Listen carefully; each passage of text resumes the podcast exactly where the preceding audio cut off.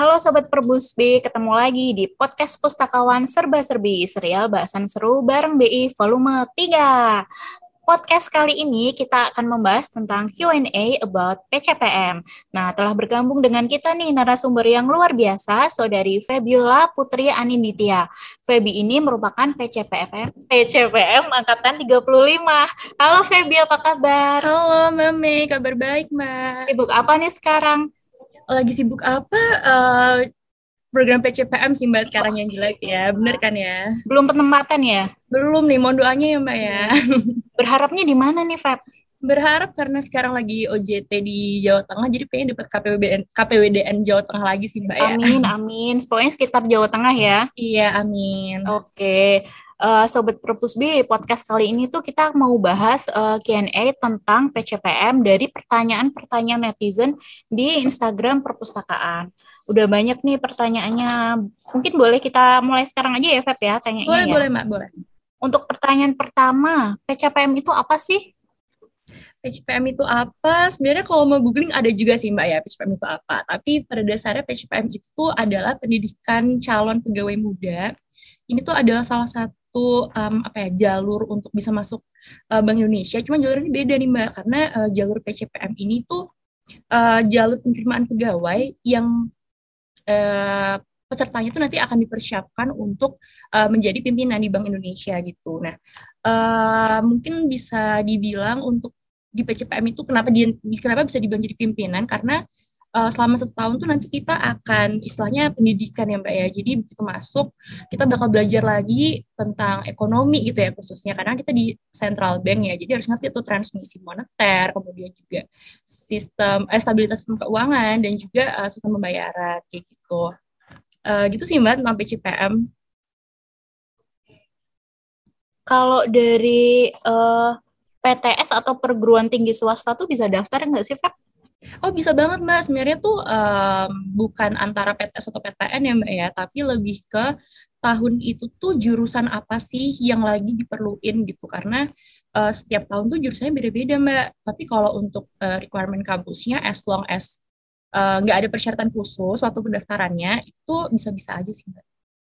Oh, jadi uh, tapi nggak semua jurusan ya, Feb ya? Misalnya ada yang tanya nih, Kak, jurusan hukum ekonomi syariah atau jurusan PGSD tuh bisa daftar nggak sih?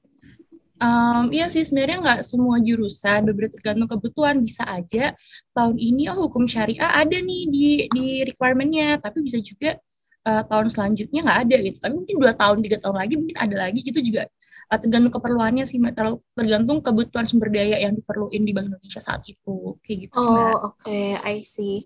Kalau untuk seleksinya itu apakah setiap tahun sama atau uh, pas angkatannya Feby dengan angkatan sebelumnya beda-beda tuh Feb? Boleh dijelasin nggak seleksinya seperti apa? Um, untuk seleksi karena kebetulan kan waktu aku masuk tuh waktu lagi pandemi ya mbak ya. Jadi emang agak extraordinary nih Mbak angkatan PCPM 35 nih. Baru pertama kali um, requirement tesnya tuh kayak full online gitu. Jadi bebas banget online-nya gitu. Kecuali untuk tes kesehatan gitu. Ini uh, ada pertanyaan rangkaian tes nggak ya Mbak ya? Oh ada nih yang tanya, uh, ada nggak sih kriteria khusus tentang tes kesehatannya gitu? Oh, tes kesehatan yang ditanyain ya. Um, sebenarnya kalau mungkin aku bahas tentang tesnya dulu ya Mbak ya uh, pertama kan kita ada tes uh, potensi akademik sama personal organization fit ya mbak ya. Nah itu tuh online mbak. Terus tes kedua itu ada um, ke bank sentralan, pengetahuan umum sama bahasa Inggris itu juga online. Habis itu tes yang ketiga itu ada uh, wawancara psikolog, tes psikologi sama uh, leadership group discussion gitu. Uh, itu juga online.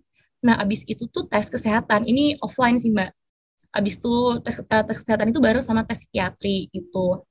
Terus yang terakhir bawa wawancara akhir. Nah, terus terkait dengan tes kesehatan ada kriteria khusus.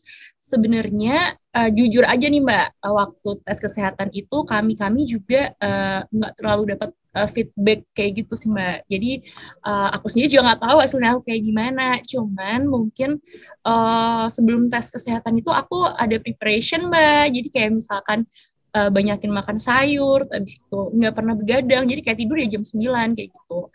Terus uh, pagi tuh uh, jogging-jogging kecil gitu ya, jogging ala-ala gitu sih.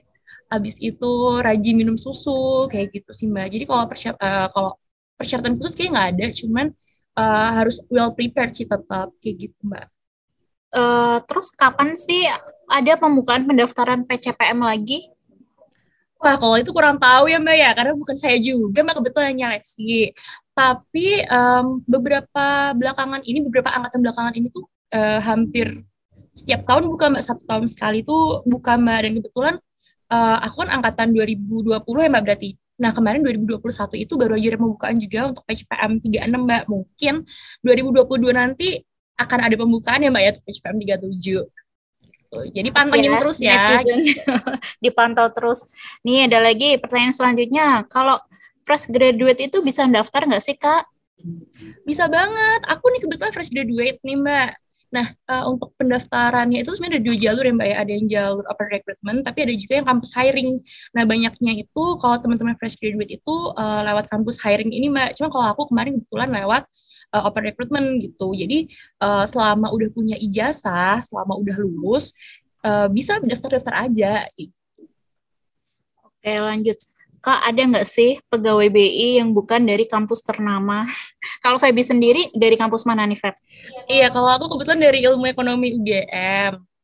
Tapi kalau sebenarnya balik lagi sih Mbak ke yang uh, statement aku tadi, bukan masalah PTN PTS-nya ya. Emang kalau misalkan as long as bidang studinya itu tercantum di requirement, itu uh, bisa-bisa aja daftar. Dan kalau misalkan bukan dari kampus ternama sebenarnya kampus ternama atau enggak itu relatif ya mbak ya aku bilang.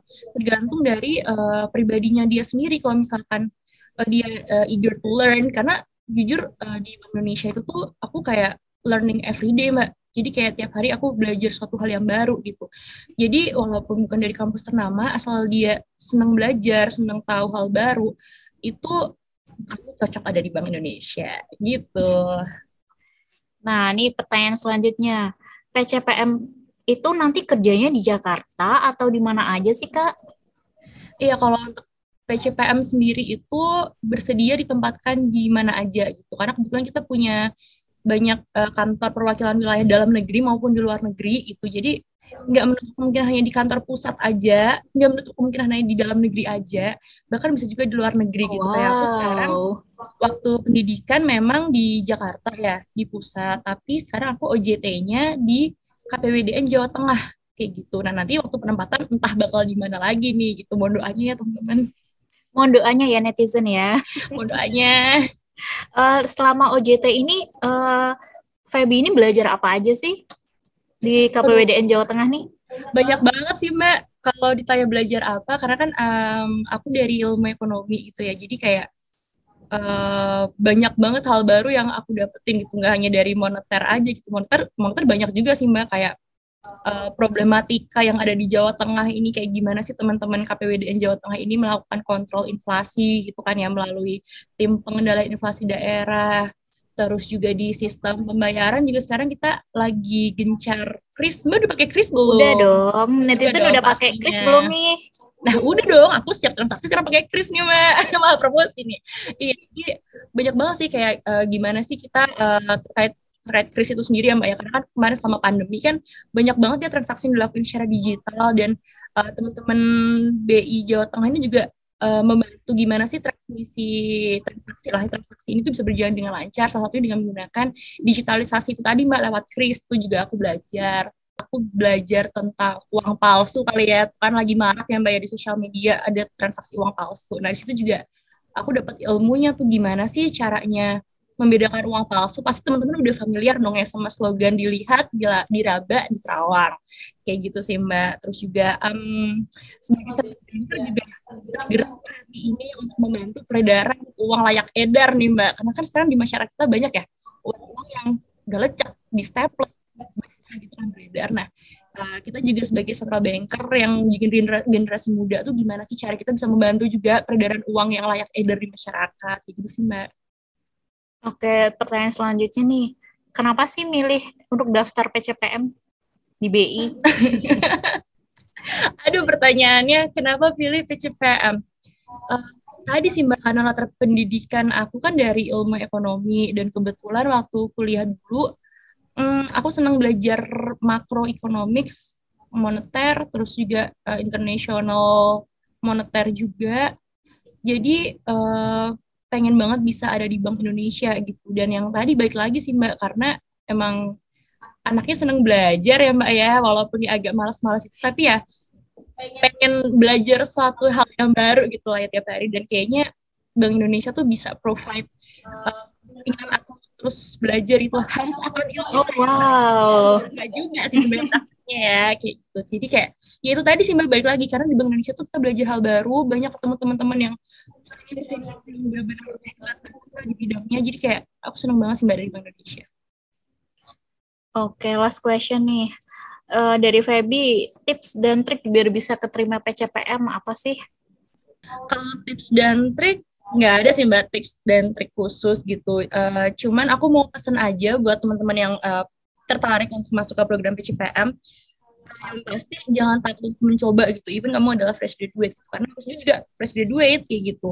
Mungkin awalnya memang melihat teman-teman saingan-saingannya juga kayak hmm, takut gitu. Cuman uh, beneran percaya uh, semua kemungkinan tuh bisa terjadi gitu. Yang terpenting once kamu memutuskan untuk daftar PCPM ya harus serius gitu harus serius belajar gitu ya. Belajar walaupun eh, ya belajar ekonomi lah belajar apa pun lah. Termasuk juga preparation untuk kesehatan kayak gitu.